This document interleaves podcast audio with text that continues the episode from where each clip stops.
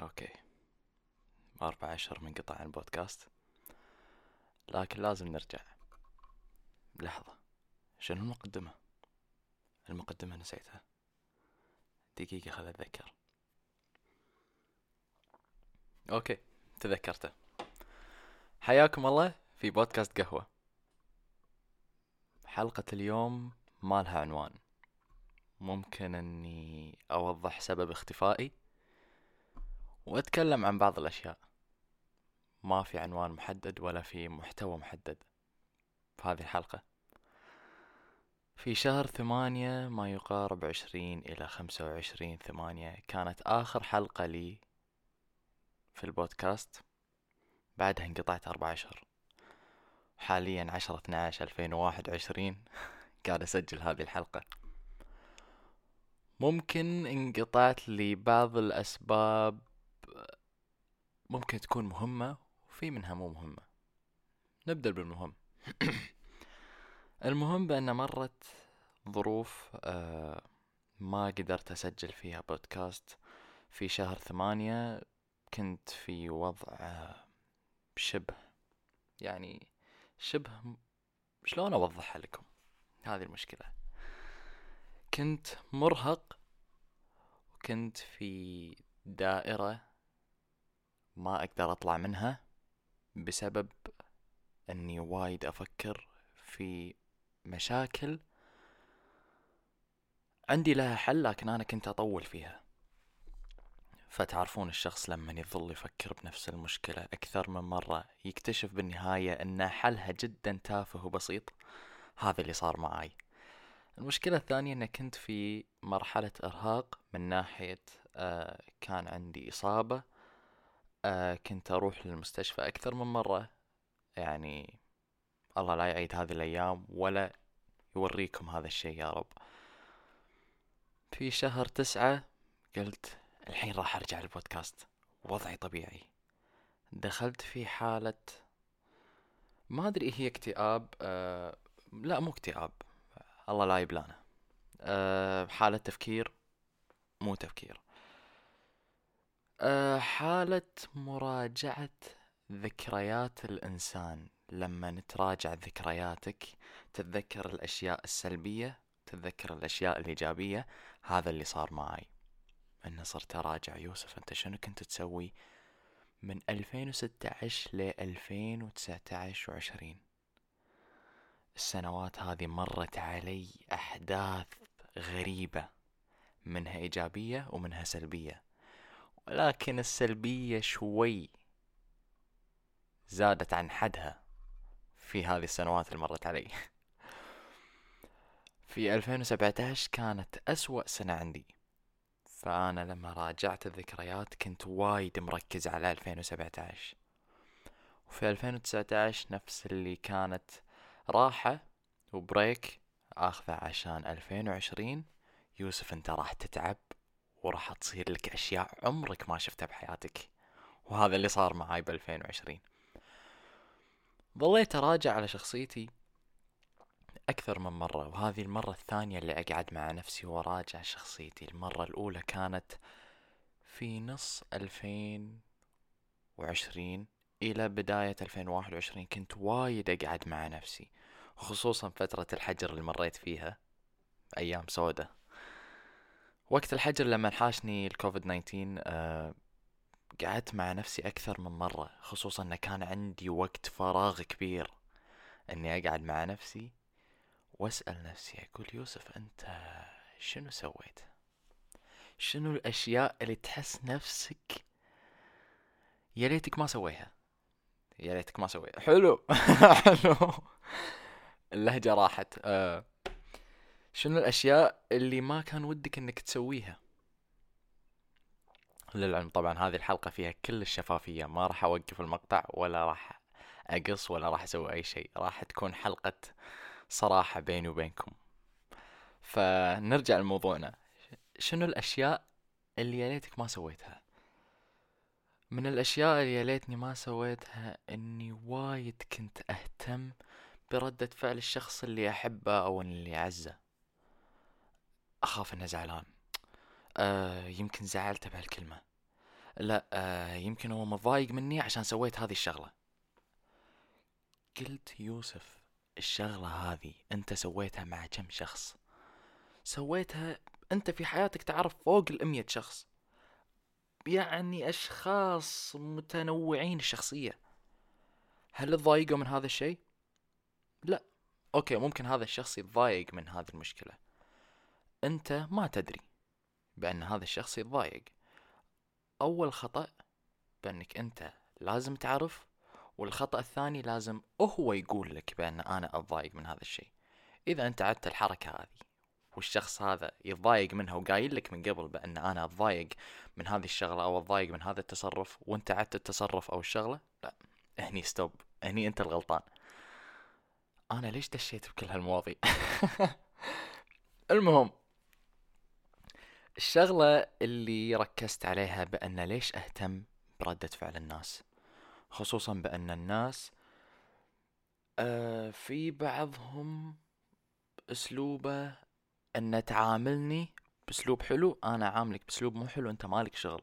هذا أكبر تصرف يطلع من بعض الأشخاص وأنا وايد أضايق منه. ولا اللي يقول لك أنا عاملك بالمثل. هذا صحيح. ولكن في شيء لازم تطبقه ميكس بين التصرف الأول والتصرف الثاني بأنه لو عاملك بالمثل أنت عامله بالمثل. بالمثل إذا كان تعامله طيب ومحترم وتعامل جميل. لكن إذا عاملك بتصرف آه نقولها بطريقة محترمة. تعامل سيء. أنت هني ما راح تتعامل معاه بطريقة سيئة بتعامل سيء بألفاظ بذيئة لا لا. تعامل معاه بكل احترام. ممكن الشخص هذا راح يحس إذا كان عنده إحساس. راح يعرف بأنه هو غلطان راح يعرف بأن اللي سواه غلط فهذا الشيء اللي راح يخليه يفهم ويستوعب بأنه أوه أنا شنو سويت. هذه من الأشياء اللي كنت آه، وايد أهتم فيها تصرفي وأهتم وايد بردة فعل الناس. من الأشياء اللي أهملتها وصرت أكمل حياتي. ثاني شيء إذا صارت مشكلة وهذا الشيء وايد أحاول إني يعني أسيطر على الموضوع بأن إذا صارت لي مشكلة ما أهتم. المشكلة هذه لها حل. مستحيل ما في مشكلة ما لها حل. أنا أقول لك إياها مستحيل. شنو بتقول؟ بتقولي أي مشكلة؟ بقول لك لها حل. لو حلها راح يكلفك بجهد بتعب. لكن لها حل. هذا الشيء وايد متعبني لحد الآن بأن تصير لي مشاكل مخي يقفل. مو عارف يتصرف مع المشكلة خلاص. المشكلة هذه تأثر على كل شيء على تصرفي على تفكيري على الوقت اللي قاعد يضيع مني وأنا عندي طريقة الحل لكن أنا متوتر وخايف.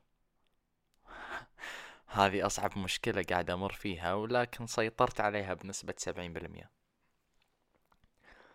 آخر شيء ابتعادي عن ربي. مو إني الحت ولا كفرت لا أستغفر الله يعني.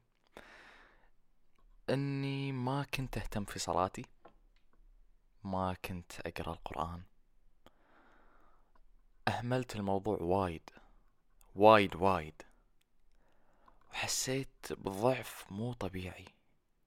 والله أن الإنسان ما يسوى عود ما يسوى خشبة ما, يخ... ما يسوى ولا شيء بدون ربه.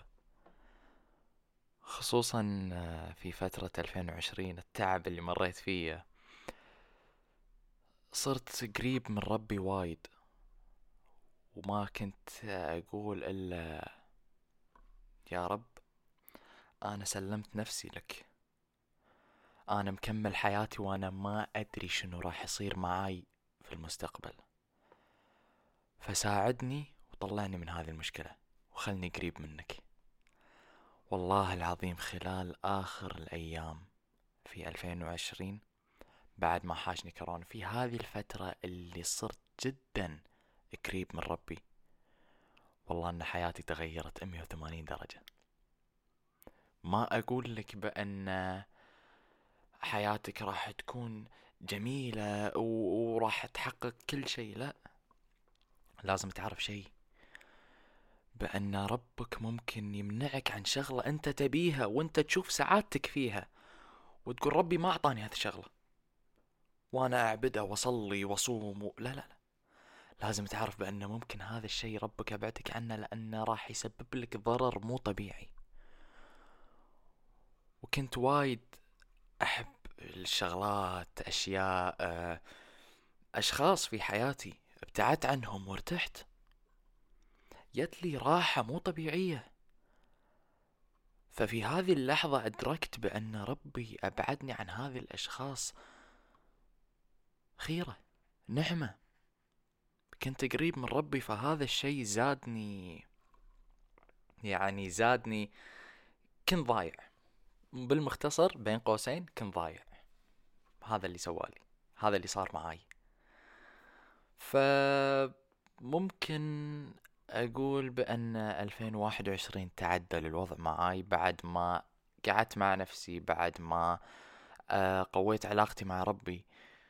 أه نطلع من هذا الموضوع بعد ما انتهينا منه ننتقل لل للأحداث والأشياء اللي صارت معاي ب 2020 2020 تعرفت على وايد أه تعرفت على وايد أشخاص آه، في 2020 في 2021 لحد الآن أنا قاعد ألخبط لأن مو مستوعب أن أنا الحين بخلص 2021 في 2021 تعرفت على وايد أشخاص أه منهم غيروا حياتي منهم خلوني أستوعب شوي في بعض الأشياء اللي ما كنت أهتم لها. أه تغيرت شخصيتي للسلبي للنظام السلبي للأسف. أه بعدين عدلتها حاولت إني أعدل الشخصية هذه سيطرت عليها. يعني الشخصية هذه تغيرت خلال شهر. فبعدها قمت ألاحظ بأن أنت شنو قاعد تسوي؟ أنت شنو قاعد تتصرف؟ ليش تصرفك صار في هذه الطريقة؟ أنا آسف على الكلمة لكن تصرفي كان جدا وقح. ليش؟ ممكن اللحظة السلبية ولحظة الغضب اللي تطلع آه وخلاص توصل لمرحلة إنك أنت ما تقدر تتحمل. وصلت لمرحلة إنك أنت خلاص ما في أي حد أو أي level راح توصل. أنت وصلت لآخر level من السكوت من من آه، إنك تقمت. خلاص. فأنا خلال هذا الشهر كان تصرفي جدا سيء. لكن لاحظت مع الأيام بأن أهلي كانوا يكلموني يقولوا لي يوسف أنت شصاير فيك. لازم تعدل شخصيتك. صحيح إنك تغيرت للإيجابية لكن أنت من يعني زودت الجرعة الإيجابية صارت سلبية. نفس ما يقولون الشيء زاد عن حده ينقلب ضده. إنك تصير إيجابي بزيادة وتصير إنك خلاص أنت عرفت أخطائك. ما يصير إنك تزود هذه الجرعة وتنتقل للجرعة السلبية. فهذا اللي صار معاي سيطرت على نفسي خلال هذا الشهر.